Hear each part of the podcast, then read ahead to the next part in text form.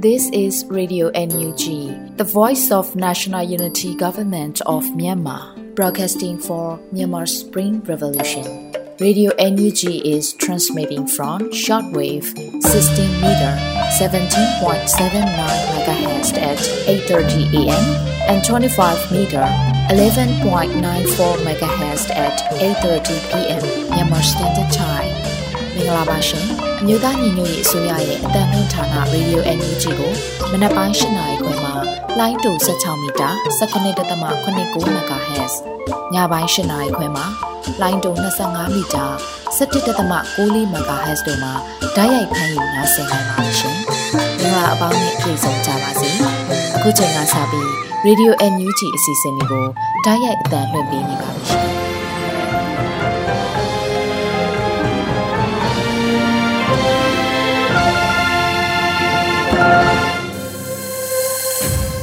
Radio NUG သောတာရှင်များနဲ့မြန်မာနိုင်ငံသူနိုင်ငံသားအပေါင်းတဘာဝပြီးဆရာနာရှင်ပေတို့ကနေကင်းဝေးပြီးကိုစိတ်နှပြချမ်းမာချမ်းသာလို့ဘေးကင်းလုံခြုံကြပါစေလို့ Radio NUG ဝိုင်းတော်သားတွေကဆုတောင်းမြတ်တာပို့သလိုက်ရပါတယ်ရှင်။ဒီနေ့ည Radio NUG အစီအစဉ်ရဲ့ပထမအဦးဆုံးအနေနဲ့လွတ်လပ်နေဦးကပြည်တွင်းသတင်းတွေကိုတင်ပြပေးမှာဖြစ်ပါတယ်ရှင်။မင်္ဂလာပါခင်ဗျာ။အခုချိန်ကစပြီးအောက်တိုဘာလ20ရက်နေ့ Radio NUG ရဲ့ညပိုင်းပြည်တွင်းသတင်းများကိုတင်ဆက်ပေးပါတော့မယ်။ ကျွန်တော်ကတော့လွတ်လပ်နေဦးပါပြည်ထောင်စုလွှတ်တော်ကိုစားပြုကော်မတီလုံခြုံရေးနဲ့ကာကွယ်ရေးဆိုင်ရာကော်မတီနဲ့မြို့သားညီညွတ်ရေးဆိုရပြည်ထရေးနဲ့လူဝင်မှုဝန်ကြီးဌာနတို့တွေ့ဆုံဆွေးနွေးတဲ့တဲ့င်းကိုဥစွာတင်ပြပေးပါမယ်။အော်တိုဘာလ19ရက်နေ့မှာပြည်ထောင်စုလွှတ်တော်ကိုစားပြုကော်မတီလုံခြုံရေးနဲ့ကာကွယ်ရေးဆိုင်ရာကော်မတီနဲ့မြို့သားညီညွတ်ရေးဆိုရပြည်ထရေးနဲ့လူဝင်မှုကြီးကြပ်ရေးဝန်ကြီးဌာနတို့ပြည်သူ့လုံခြုံရေးဆိုင်ရာပူးပေါင်းဆောင်ရွက်မဲ့ကိစ္စများနဲ့ဆက်လင်းလို့တွေ့ဆုံဆွေးနွေးခဲ့ကြပါတယ်။ တွေ့ဆုံပွဲမှာလုံခြုံရေးနဲ့ကာကွယ်ရေးဆိုင်ရာကော်မတီဥက္ကဋ္ဌဦးဇေလက်ကနယူးတော်လိုင်းရေးအောင်မြင်စေရန်ကော်မတီနဲ့ဝန်ကြီးဌာနတို့ကြားလှုပ်ထုံးလှုပ်နည်းများနဲ့ညီပြည်သူ့လုံခြုံရေးကဏ္ဍအတွက်ပုံမချက်ဆက်လှုပ်ဆောင်သွားနိုင်ရန်အဖွင့်မှားစကားပြောကြားပြီးနောက်ဝန်ကြီးဌာနတာဝန်ရှိသူများကမြေပြင်အုပ်ချုပ်ရေးဆောင်ရွက်နေမှုများပြည်သူ့လုံခြုံရေးအဖွဲ့အစည်းများဖွဲ့စည်းထားရှိမှုနဲ့ပြည်သူ့ကာကွယ်ရေးအဖွဲ့များနဲ့ချက်ဆက်လှုပ်ဆောင်မှုများရှင်းလင်းတင်ပြခဲ့ကြပါတယ်။ ထို့နောက်ကော်မတီအဖွဲ့ဝင်များကမြေပြင်အခြေအနေများနဲ့ဆက်လင်းလို့တရားဥပဒေစိုးမိုးရေးဆိုင်ရာကိစ္စရပ်များပြည်သူ့အုပ်ချုပ်ရေးအဖွဲ့များဆိုင်ရာကိစ္စရပ်များပေါ်မေးခွန်းများမေးမြန်းခြင်းနဲ့ဝန်ကြီးဌာနနဲ့ဟန်ချက်ညီစွာရှစ်ဆက်ပူးပေါင်းလှုပ်ဆောင်တင်သည်များကိုပုံမဆောင်ရွက်သွားနိုင်ရန်အကြံပြုပြောကြားခဲ့ကြပါတယ်။တွေ့ဆုံဆွေးနွေးပွဲသို့လုံခြုံရေးနဲ့ကာကွယ်ရေးဆိုင်ရာကော်မတီဥက္ကဋ္ဌအတွင်းရေးမှူးနဲ့အဖွဲ့ဝင်များပြည်ထရေးနဲ့လူဝင်မှုကြီးကြပ်ရေးဝန်ကြီးဌာနအမြဲတမ်းတွင်းဝန်ဥကွာမင်းတွဲဘက်အမြဲတမ်းတွင်းဝန် ဒေါက်တာလှိုင်မြင့်ဟန်ညွှန်ကြားရေးမှူးချုပ်နဲ့ရုံးဖွဲ့များတက်ရောက်ခဲ့ကြတယ်လို့သိရှိရပါတယ်ခင်ဗျာဆက်လက်ပြီး NUG ဖက်ဒရယ်ရေးရာဝန်ကြီးဒေါက်တာစလိုင်းလျံမုံစာခေါင်းနဲ့ကိုရီးယားနိုင်ငံတော်သုတေသနကောင်စီဥက္ကဋ္ဌတို့တွေ့ဆုံတဲ့သတင်းကိုဖတ်ကြားပေးပါမယ်။အော်တိုဘာလ19ရက်နေ့မှာ NUG ဖက်ဒရယ်ရေးရာပြည်ထောင်စုဝန်ကြီးဒေါက်တာစလိုင်းလျံမုံစာခေါင်းဟာကိုရီးယားသမ္မတနိုင်ငံတော်၏အစိုးရဆိုင်ရာနိုင်ငံတော်သုတေသနကောင်စီဥက္ကဋ္ဌမစ္စတာဂျောင်ဟဲခူးနဲ့တွေ့ဆုံက မြန်မာအရေးအားဆွေးနွေးခဲ့ကြပါတယ်။ဆွေးနွေးပွဲမှာပြည်ထောင်စုဝန်ကြီးမှလက်ရှိမြန်မာအရေးနဲ့ပတ်သက်ပြီးကိုရီးယားနိုင်ငံတော်သုတေသနကောင်စီစိတ်အားထက်သန်စွာဝိုင်းဝန်းကူညီအားပေးမှုအားအထူးကျေးဇူးတင်ရှိပါကြောင်းလက်ရှိမြန်မာနိုင်ငံတော်တွင်မင်းအောင်လှိုင်ဦးဆောင်သောအကြမ်းဖက်စစ်တပ်၏လူမဆန်သောလုပ်ရများကြောင့်လူငယ်များတက္ကသိုလ်ကျောင်းသားကျောင်းသူများနှင့်ကလေးသူငယ်များကျောင်းဆက်မတက်နိုင်မှုသည်အထူးစိုးရိမ်စရာဖြစ်နေကြောင်းနှင့် မြန်မာနိုင်ငံအနာဂတ်အတွက်ပညာရေးသည်အဓိကကြသောအရာအဖြစ်အမျိုးသားညီညွတ်ရေးဆိုရမှသတ်မှတ်ကြောင်းထုတ်ဖော်ပြောကြားခဲ့ပါတယ်။ဆက်လက်၍ပြည်ထောင်စုဝန်ကြီးမှကိုရီးယားနိုင်ငံတော်နဲ့နိုင်ငံတော်သုတေသနကောင်စီအနေဖြင့်ကူညီထောက်ပံ့နိုင်မဲ့နည်းလမ်းများကိုရှင်းလင်းပြောကြားခဲ့ပါတယ်။ကိုရီးယားနိုင်ငံတော်သုတေသနကောင်စီဥက္ကဋ္ဌကလည်းမိမိတို့သုတေသနကောင်စီအနေဖြင့်မြန်မာဒီမိုကရေစီရေးကိုအစင်မပြစောင့်ကြည့်လေ့လာနေဒီမှာအတော်ကြာပြီဖြစ်ကြောင်းအာဏာသိမ်းမှုဖြစ်ပြီးနောက်ပိုင်း မြန်မာနိုင်ငံ၏အခြေအနေများပေါ်အထူးစိတ်မကောင်းဖြစ်ရကြောင်းအကြမ်းဖက်စစ်ကောင်စီမှဖျက်ဆီးနေသောမြန်မာပညာရေးကိုသူတို့အနေနဲ့ကူညီထောက်ပံ့နိုင်မဲ့နည်းလမ်းများကိုရှာဖွေလျက်ရှိနေကြောင်းဝန်ကြီးအားအခုလိုတွေ့ဆုံနိုင်ခွင့်ရသည်ကိုလည်းအထူးကျေးဇူးတင်ရှိပါကြောင်းပြောကြကာနောင်နာကတွင်မြို့သားညွှန်ရေးအစိုးရ NUG နဲ့ကိုရီးယားနိုင်ငံတော်သုတေသနကောင်စီ၏အတူတူတွဲဘက်လှုပ်ဆောင်နိုင်မဲ့လုပ်ငန်းများအတွက်လိုအပ်ချက်များကိုအပြန်အလှန်ဆွေးနွေးခဲ့ကြတယ်လို့သိရှိရပါတယ်ခင်ဗျာဆက်လက်ပြီး မြန်မာစစ်တပ်ဟာ၎င်းတို့ဆောင်ရွက်ခဲ့တဲ့ဓာတုလက်နက်လုပ်ငန်းစဉ်များနဲ့ပတ်သက်လို့ပွင့်လင်းမြင်သာမှုလုံးဝမရှိခဲ့ဘူးလို့တမ်မတ်ကြီးဦးကျော်မိုးထွန်းကပြောကြားလိုက်တဲ့သတင်းကိုထပ်မံဖတ်ကြားပေးပါမယ်။အအော်တိုဘာလ19ရက်နေ့က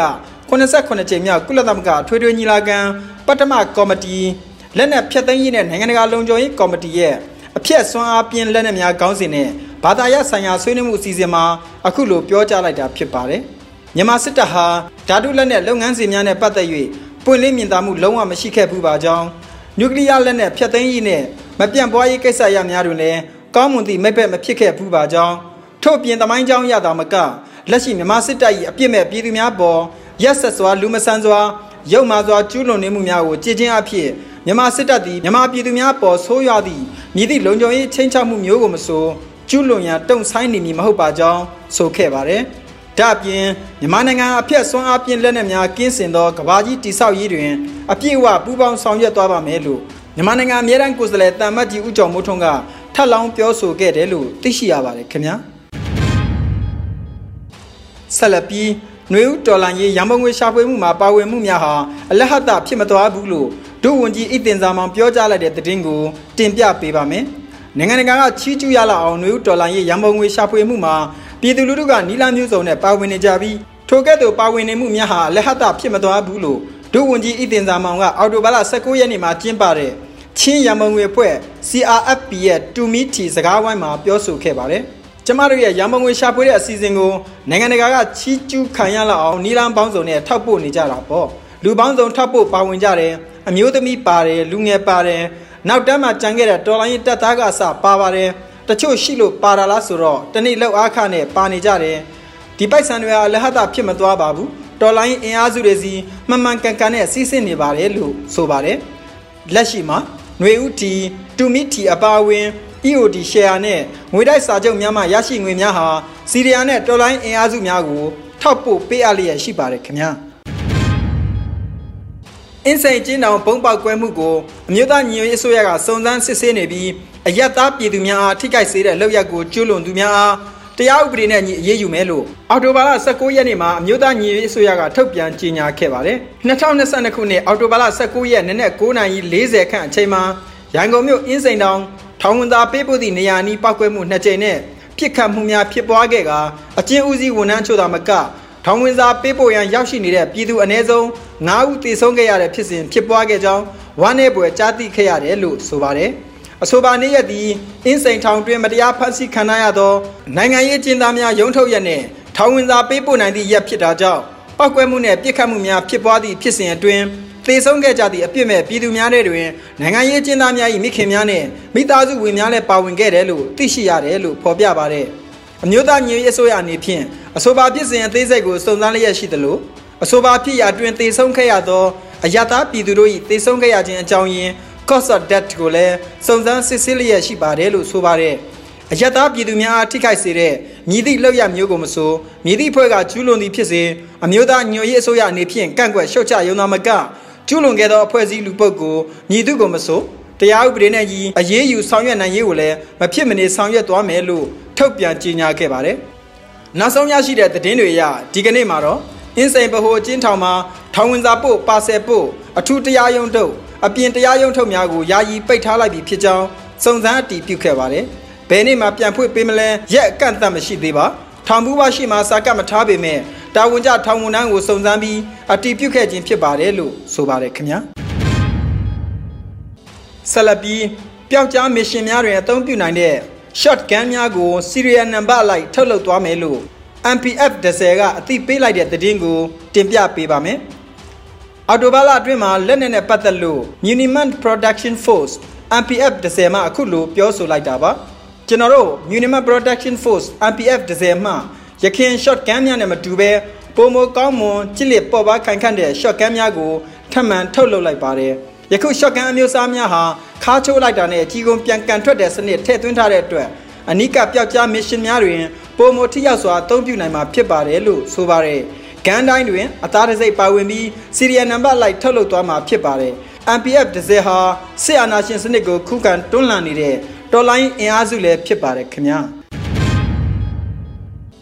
ဆက်လက်ပြီး C2D အမည်ရှိထောက်ပို့ application ကလစ်အားကျဆင်းနေလို့ဝိုင်းဝန်းကြဖို့ click to donate ကတိုက်တွန်းထားတဲ့သတင်းကိုတင်ပြပေးပါမယ်။ C2D application ပြန်ကျနေလို့ဝိုင်းဝန်းကြရန်အော်တိုဘာလ20ရက်နေ့မှာ click to donate က အများပြည်သူကိုအသိပေးပြောဆိုလိုက်ပါတယ် C2D application ကပြန်ကျနေပါတယ်ခင်ဗျာပြန်တွန်းတင်လိုက်ကြရအောင်ခင်ဗျာလက်ဆောင်ကတော့အခြေအနေနည်းနည်းပြန်ကောင်းလာတယ်တထောင်အနည်းဆုံးရအောင်ကလစ်ကြရအောင်ခင်ဗျာလက်ဆောင်မှာကြော်ညာမတက်ရင် update လုပ်ပေးကြပါဦးခင်ဗျာဒီနေ့အတွက် mission လေးကတော့ C2D application နဲ့လက်ဆောင်လေးတွေကိုမနေ့နေ့လေည3ပိုင်းလောက်ဝင်ပေးကြပါခင်ဗျာ iPhone ကိုင်တဲ့သူများက iOS အောင်ပွဲ application လေးကိုမတောင်းရသေးရင် down ပြီး click ပေးကြပါဦးခင်ဗျာလို့ပြောဆိုထားပါတယ် click to donation ဟာ click မှရရှိငွေများကိုဒေါ်လာအင်အားစုများထံပြန်လည်ထောက်ပို့ပေးအပ်နေခြင်းဖြစ်ပါတယ်ခင်ဗျာအခုတင်ပြပေးခဲ့တဲ့သတင်းတွေကိုတော့ Radio UNG သတင်းတောက်မင်းမင်းကပေးပို့ထားတာပဲဖြစ်ပါတယ်ခင်ဗျာ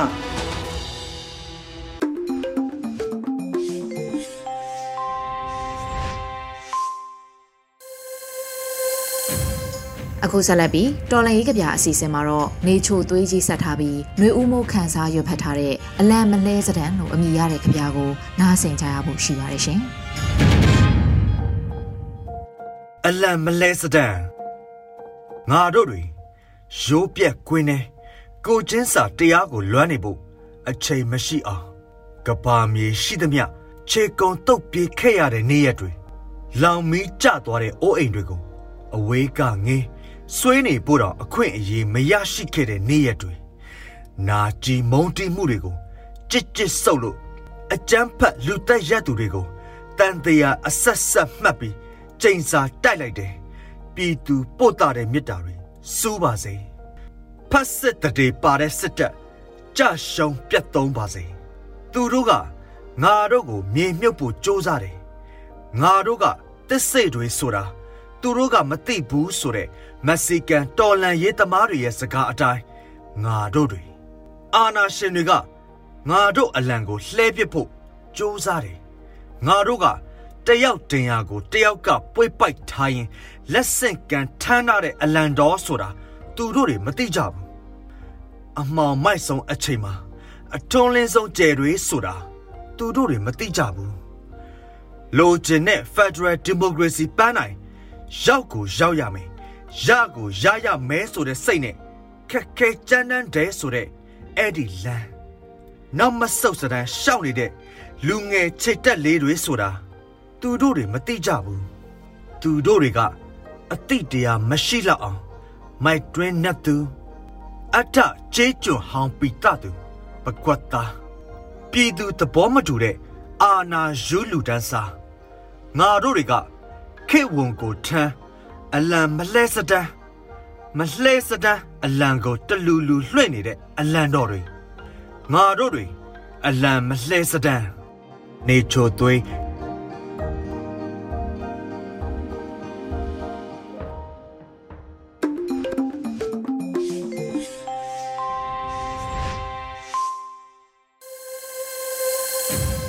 ရေဒီယို NUG မှဆက်လက်အသံလွှင့်နေပါတယ်ရှင်။ အမျိုးသမီးကဏ္ဍမှာတော့ Flora Hunting ဆက်ထားတဲ့ဒေါ်လာရေးအောင်မြင်ခြင်းအလှကပါအပိုင်း28ကိုနားဆင်ကြပါအောင်ရှင်။အားလုံးပဲမင်္ဂလာပါရှင်။ယခုတစ်ပတ်မျိုးသမီးများကဏ္ဍမှာမျိုးသမီးတို့ရဲ့ကိုစားပြည်ပြည်ဆိုင်ရာကျေးလက်မျိုးသမီးများနေ့အကြောင်းလေးကိုကျမတို့များပြည်သူများသိရှိနိုင်ဖို့မျှဝေပေးချင်ပါတယ်။ပြည်ပြည်ဆိုင်ရာကျေးလက်မျိုးသမီးများနေ့ကတော့ အောက်တိုဘာလ15ရက်နေ့ဖြစ်ပါတယ်။အဲ့အတွက်ကျမတို့မြန်မာပြည်ကကျေးလက်နေအမျိုးသမီးတွေကိုဂုံပြုတ်တဲ့နေ့တစ်နေ့ဆိုတာသိရှိဖို့ကျမတို့ပြည်သူများနဲ့အတော်ကိုကွာလန်းနေရတဲ့အခြေအနေဆိုတာတတိချက်ဖို့များကြီးလိုအပ်နေပါပြီ။ကျမလိုအဖက်ဖက်ကနေမျက်စိပိတ်နားပိတ်မဟုတ်သူတယောက်အတွက်တောင်ကျမတို့မျိုးသမီးထုအတွက် အခုလိုအခွင့်အရေးများဆုံးရှုံးနေမှုနှင့်အတူလူတိုင်းရရှိရမယ့်လူခွင့်ရေးဆိုသည့်ဆုံးရှုံးမှုတိုင်းအတွက်ကျမအနေနဲ့အတော်စိတ်မကောင်းစရာဖြစ်ခဲ့ရပါတယ်။ယနေ့ချိန်ကျေးလက်နေမျိုးသမီးများရဲ့ယနေ့စောင်းနေရေးဆိုတာကလည်းနွားကြောင်းနေသူဖက်ခူးနေသူများရဲ့ပင်ပန်းဆင်းရဲမှုဒဏ်ကိုလက်တွေ့တွေ့မြင်ရသူအတယောက်အတွက် မြမပြည်သူများရဲ့စင်းရဲပင်ပန်းမှုဘဝတွေ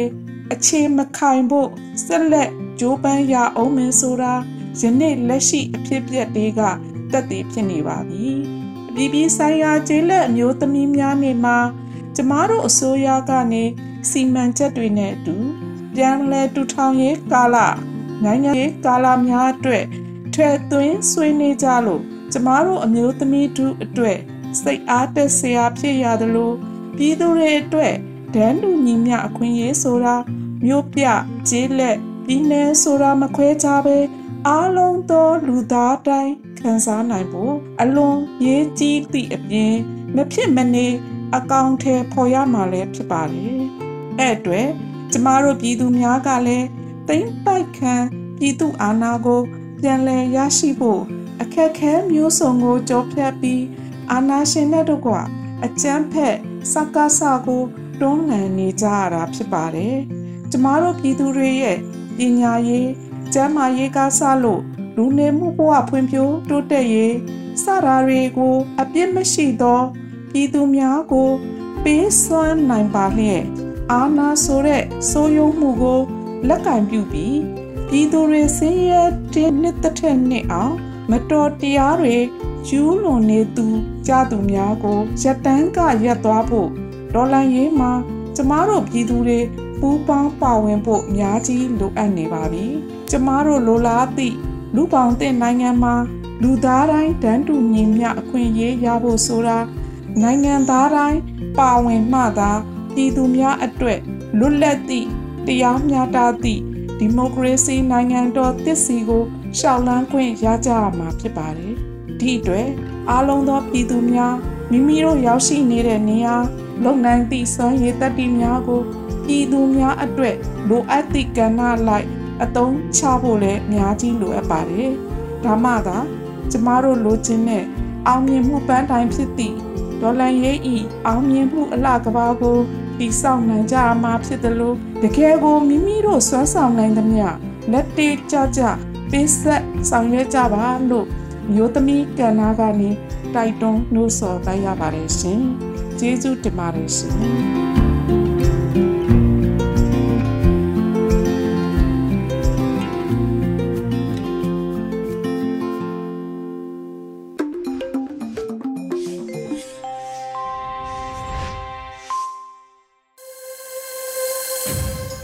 ခုတခါဒေါ်လာရေးတေးဂီတာအစီအစဉ်မှာတော့ Infinity Echo တေးဂီတာအဖွဲ့နဲ့တေးရေးတေးဆိုမိုးနတ်တို့ရဲ့ခွေးမောင်းမွေလို့အမည်ရတဲ့တေးသချင်းကိုနားဆင်ကြရပါတော့မယ်ရှင်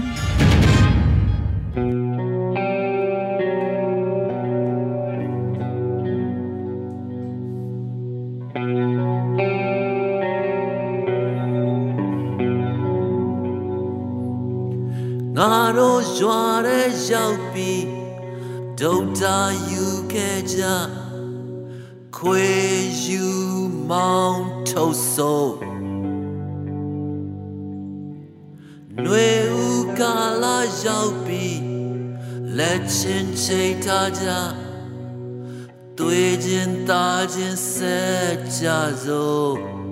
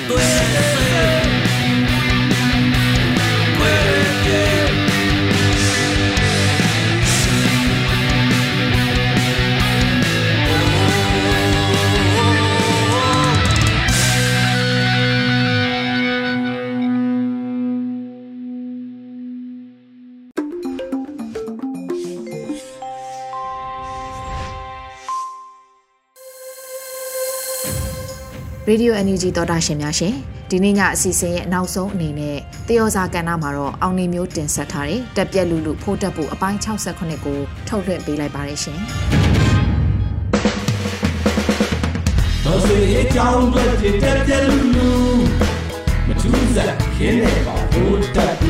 းတက် ပန်းနိုင်မရှိပဲစွတ်စွတ်ပြေးနေလို့မဖြစ်ဘူးဗျာအာသွန်ပြေးခဲ့ရတာတစ်နှစ်ကျော်ကြာလို့ညောင်းစာပြုတ်နေပြီဖြစ်တဲ့ပြည်သူတွေအတွက်ရောင်းနေလို့တယ်အဲ့ဒီရောင်းနေရဘာလဲဆိုတော့ one year plan ပါပဲရခိုင်မှာဖိခံနေရတာတွေကိုတံပြန်ဖို့အညာမှာဖြက်လေးဖြက်နဲ့အသက်ခံနေရတာတွေကိုကောင်းတာလုပ်ဖို့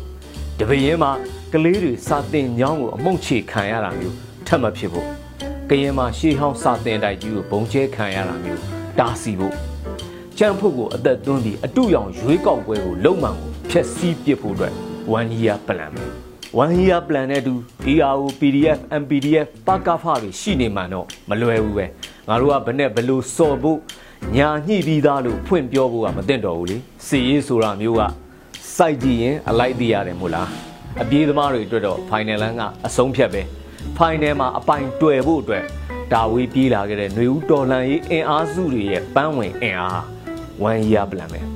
ပြည်သူခမရမှာလည်းညှက်အားကယော့လာပြီမို့ဒီနေ့အပီယုံမှဖြစ်တော်မယ်ထောက်ပံ့နေကြတဲ့ပြည်သူတွေရင်ထဲမှာလည်းခိုင်မာတဲ့စိတ်နဲ့နိုင်ကိုနိုင်ရမယ်နိုင်အောင်ယုံရမယ်ဆိုတဲ့ဆုံးဖြတ်ချက်ကလည်းကိုစီကိုစီရှိထားပြီလားသူတို့ရဲ့အကန့်အသတ်ညှစ်အားကလည်း1 year plan ပါပဲအကောင်းဘက်ကကြည့်မယ်ဆိုလို့ရှိရင်လည်း သတင်းကြွခီးစဉ်တွေကနေရာဒေသအနှံ့ကပြည်သူတွေရဲ့ပဂရိအခြေအနေသတင်းစကားတွေကိုဖြန့်ဝေပေးလိမ့်မယ်ကိုဘက်ကဘယ်နေရာတွေမှာဘလို့အသာစီးရနေတယ်ဆိုတာကိုမြို့ကြီးသားတွေသိစေရမယ်သတင်းကြွတစောင်းနိုင်ပွဲတွေရဲ့အနှစ်သာရရဲ့သတင်းစကားဟာလေ one year plan ပါပဲ one year plan ဆိုတာဖြစ်နိုင်ပါမလားဆိုလို့မေးလာလို့ရှင်ရန်သူရဲ့ confidence အလဲဘဟိုကိုရှိုးလိုက်ဗျာကိုဘက်ကအခြေအနေကိုမြင်နိုင်လိမ့်မယ် ကိုဘက်ကဘာသာကြောင့်မှတွေ့ဝေနေကြရအောင်မှလဲတွေ့ဝေနေလို့ရောဗုဒ္ဓပုကျင်ဆိုးကဒါကြီးတို့အေးဆေးပါဆိုပြီးသူ့ဘာသာများတက်သေးသွားမယ်ထင်နေကြသလားခုမင်းကိုနိုင်မေးနေသလိုဒင်းတို့ကားရဲ့ဓာတ်ပုတ်ပေါ်တွေမှာပစ်ကတ်အုပ်ထုပ်လေးတွေတွေ့သေးလားလို့ထပ်မေးလိုက်ခြင်းသေးတယ်တွေ့ရဖို့နေနေသားသားစစ်ကားနဲ့တောင်မှဘေးပေါင်တွေမှာတန်ပြားတွေကာပြီးသွားနေရတယ်အရင်ကဆိုကြားဘူးတာကတန်ချက်ကကားလို့ကြားဘူးခဲ့တာခုကြီးတန်ပြားကကားတွေတွေ့နေရတယ် တံပြားကကားတယ်မကဘူးခီးတယ်တင်ကားတွေနဲ့ခိုးထွက်ရတယ်ပရာဟိတကားတွေလူယူပြီးပုံးရှူကွက်ရှူနဲ့သွားလာနေရတယ်ဒါလဲဘူတက်ဘူးကျင်ဆိုးရဲ့သားတွေလွတ်လာဆိုမလွတ်ဘဲမိုးဟင်းကားပွဲတွေပဲဖြစ်သွားတာကြီးပဲဘယ်လွတ်ပါမလဲတိုင်းပြည်လုံးကပြည်သူတွေကကင်းတောက်တွေကြီးပဲရဲစခန်းစစ်တပ်စထွက်လိုက်တာနဲ့ဘယ်ကားဘာရောင်ဘာနံဘက်ခွေးဘနကောင်ကစအတိကြမြို့ဝင်မြို့ထွက်တိုင်းမှာတရင်ပို့နေကြပြီးသားပဲ ဟိုတလောကဆိုရင်မုံဝါတဝိုက်ကလမ်းတွေမှာဆိုစစ်ကောင်စီတက်ကလိုက်ဖြတ်နေရတယ်ဗျဗတ်ဖိုးအသေးကိုတန်ပြားတွေကာပြီးပြေးလာတယ်လမ်းကိုတူးကော်ပြီးရတဲ့ပြန်ပြေးစနစ်နဲ့လုံနေကြရတယ်ညနေလာတူးသွားညကြပြည်သူတွေကပြန်မြေဖို့ပေးထားပြီးသားပဲမနေ့ကျတော့ဗိုလ်တပ်ဘူးကျင်ဆိုးနဲ့ခွေးနာမနဲ့စက်ကြထားတဲ့ခွေးပူမသားတွေကဒေါသပုံထပြီးပြန်တူးကြနေတယ်လေ ခေါင်ကြီးတို့တွေတုံးလာကြည်လားလို့မထင်လိုက်နဲ့မွန်ဝမြို့အဝင်မှာစစ်ကောင်စီတပ်တွေက heavy ထိုင်ထားတဲ့မအူခိတ်ကလွှဲရင်တခြားဝင်လန်းထွက်လန်းတွေကိုဖျက်နေတာဗျကိုဘက်ကအထင်ကဒီလိုလမ်းဖြတ်တော့ PDF တွေမသွားနိုင်တော့ဘူးလားလို့ထင်နေတာဒူလာကြီးလားပေါ့လေအမှန်ကသူတို့ကတစ်ချက်ခုတ်နှစ်ချက်ပြက်ပလန်ပြရိတ်ခါထောက်ဖို့လမ်းကြောင်းတွေကိုဖျက်တဲ့ကားတွေကိုဒီတလန်းနဲ့ပဲလာလို့ရအောင်စက်ကြီးကောက်လို့ရအောင်လွယ်သွားအောင်လုပ်လိုက်တာပဲ တေးကြတာကတော့အင်အားနဲလာတဲ့ဘူတက်ဘူးကျင်ဆိုးရဲ့စစ်ကောင်စီတပ်ကခန်းစစ်ကစားပြီးကောင်းတာဖျက်လိမ့်မယ်ဗျဟမ်ရွေးကောက်ပွဲမတိုင်ခင်မြို့ကြီးတွေကိုထိန်းထားနိုင်နိုင်ပြီလို့ထင်ကောင်းထင်နေမှာပေါ့နောက်ပြီးကမ္ဘာအထောဆုံးဗျူစောဒီတွေကလည်းမုံရွာတဝိုက်မှာရှိနေတယ်တဲ့ဗျူစောဒီတွေမှာအဲ့လမ်းပေါ်မှာစက်ကြီးကောက်တာကတရက်ကိုသိန်းရာချီရနေတယ်ဒီနေ့ကမုံဝါချောင်းဦးကြားမှာဗျူစောဒီတွေမိုင်းထီလို့တရက်ထဲ40လောက်တောင်ရှော့တယ်ဗျသူက drone pro မှာရနေတာလေ ဟိုတပူကျင်ဆိုးက open speed မှာမနေရတော့ဘူးလို့အတွင်းသတင်းတွေကထွက်နေတယ်ဗျအမဲစွကြပြမှာလဲအောက်ကနွားတွေကဖြုံမှန်မို့လို့မော်လမြိုင်ကိုတွားပြမယ်လို့ဖောပြန်တယ်ဒီခီးကလည်းဖြတ်မှန်ပါပဲကံငမွဲပေမှုတူသွားမယ်ဆိုတဲ့တောင်ပိုင်းမှာလဲကလိုက်တဲ့ပွဲတွေရှော့လိုက်တဲ့ခွေးတွေကအပုံတိုက်တယ်ဟိုနေ့ကဆိုအစီတွေအခက်တွေပါဘရုံမာမြေလူကကြရတယ်ဆိုပဲဗျာခြေဥပြင်မယ်လို့ဖောပြန်တော့လဲကြောက်ချေးပန်းလို့ထရောင်တယ်လို့ ဝိုင်းဖြဲကြပြန်လေဗျာတကယ်လဲဟုတ်နေတာပဲလေ NCA လို့ငိမ့်ချမ်းရေးအပြစ်ခတ်ရိုက်ဆဲရေးလိုင်းကြီးတွေဖက်လို့သူလှမ်းကျင်နေပေမဲ့အယုတ်ဓာတ်ခံကမပြောက်နိုင်ဘူးလေဖြစ်မှာမဖြစ်နိုင်တာဘူး NUG ERO တွေကလည်းသူ့ကိုရွေးချယ်ဖို့လမ်းတွေပေးနေတာပဲလေမင်းတို့ပါဆိုမင်းတို့တတ်သိမလားငါတို့လာတတ်ပေးရမလားဆိုပဲစေတနာတွေပေါ့ဗျာအမေတရုတ်နယ်ဇက်ကလောင်ကစားဒိုင်းတွေဆိုလို့ရှိရင်လောင်ကြီးတွေတော့စဖွင့်နေပြီတဲ့ ရန်ရီယာတစ်နှစ်ပလန်ကဗိုလ်တပုကျင်ဆိုးဘလို့ဆက်သိမ့်မလဲဆိုတာပေါ့လေငါလေးတစ်လေးကနေပေါက်ကြီးတွေစဖွင့်နေတဲ့အချင်းတော့မဟုတ်ဘူးဗျာရှူမန်နီကပုံးတရာတဲ့ဗျာဖြစ်နိုင်ရင်ကိုတော်မလက်လီစိတ်လောင်းနိုင်ကြဘူးအေးကြောက်ဒိုင်ကန်အောင်မယ်ဗျာပွင့်လင်းရာသီဖြစ်လာပြီမို့လို့အကြီးကြီးတတိထားရမှကတော့ air strip ပဲလေချောင်းရံကိုပဲ ဒါပေမဲ့မြေပြင်မှာကတော့ PDF ERO တွေအနေနဲ့ကတော့စစ်ကောင်စီနဲ့မြေပြင်တက်တွေလမ်းတူလို့လူချင်းတွေ့ရင်တော့မောင်မင်းကြီးသားများအစကြီးလို့စုတူစုရှည်မှားရန်ချွေတက်ဖို့သာကြင့်ထားကြပြီတော့ဗျသူတို့ကတွေ့တာနဲ့လက်အုပ်ချကြတာမို့လားဟိုနေ့ကလည်းကြာရင်ကြီးစိတ်တိုက်ပွဲမှာကြည်ပါလားစမပြရသေးပြေးတာကတဝက်ကြောကြောလက်နဲ့ချတာက16ယောက်ဘူမူဘူကြီးအပါဝင်အသက်မပြည့်အသက်ကြီးအဖိုးအိုအုံနာဂျိုးကန်းကအစလို့တွေ့တာနဲ့ပဲဖင်ကုန်လက်အုပ်ချီတော့တာပဲ ဒါကိုကြည့်ပြီးတော့ချုပ်ကတော့လောင်ကြီးစဖွင့်လိုက်ပြီချုပ်ကတော့ຫນွေဦးတော်လန်ရေးသမားတွေဘက်ကနေလောင်ကြီးစဖွင့်လိုက်ပြီဒီပွဲမှာတော့ကြောက်ရှုံးတဲ့ဖင်ကုန်းမဲ့ဗိုလ်တပ်ဘူးကျင်ဆိုးရဲ့တပည့်များရှုံးကိုရှုံးမဲ့ပွဲပဲကဲအရေးတော်ဘုံကအောင်ပွဲနှမ်းရောက်နေကိုပုံရုံကျုံးလိုက်ကြအောင်ဆိုရင်အရေးတော်ဘုံအောင်ပြီ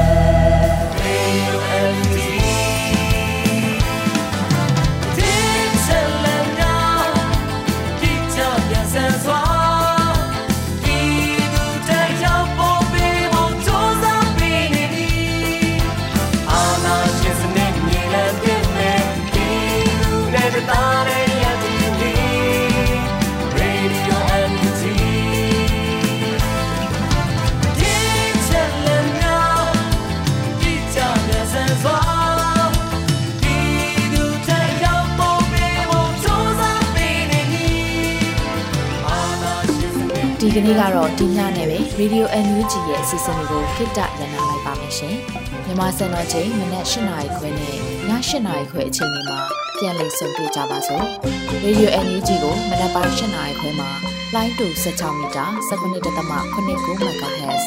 ညပိုင်း၈နာရီခွဲမှာလိုင်းတူ25မီတာ17.6 MHz တို့မှာဓာတ်ရိုက်ဖမ်းလို့နိုင်စေနိုင်ပါပြီ။ မြန်မာနိုင်ငံသူနိုင်ငံသားတွေကိုစိတ်နှပြ